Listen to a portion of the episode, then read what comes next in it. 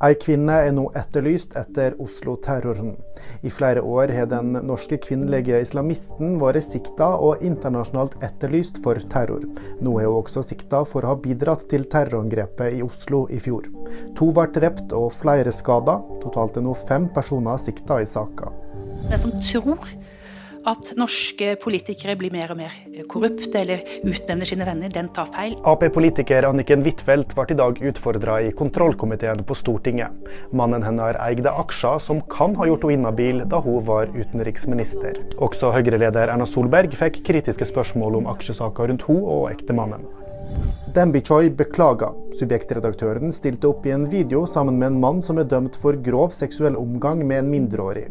I videoen blir han omtalt som kansellert og blir klappa på ryggen.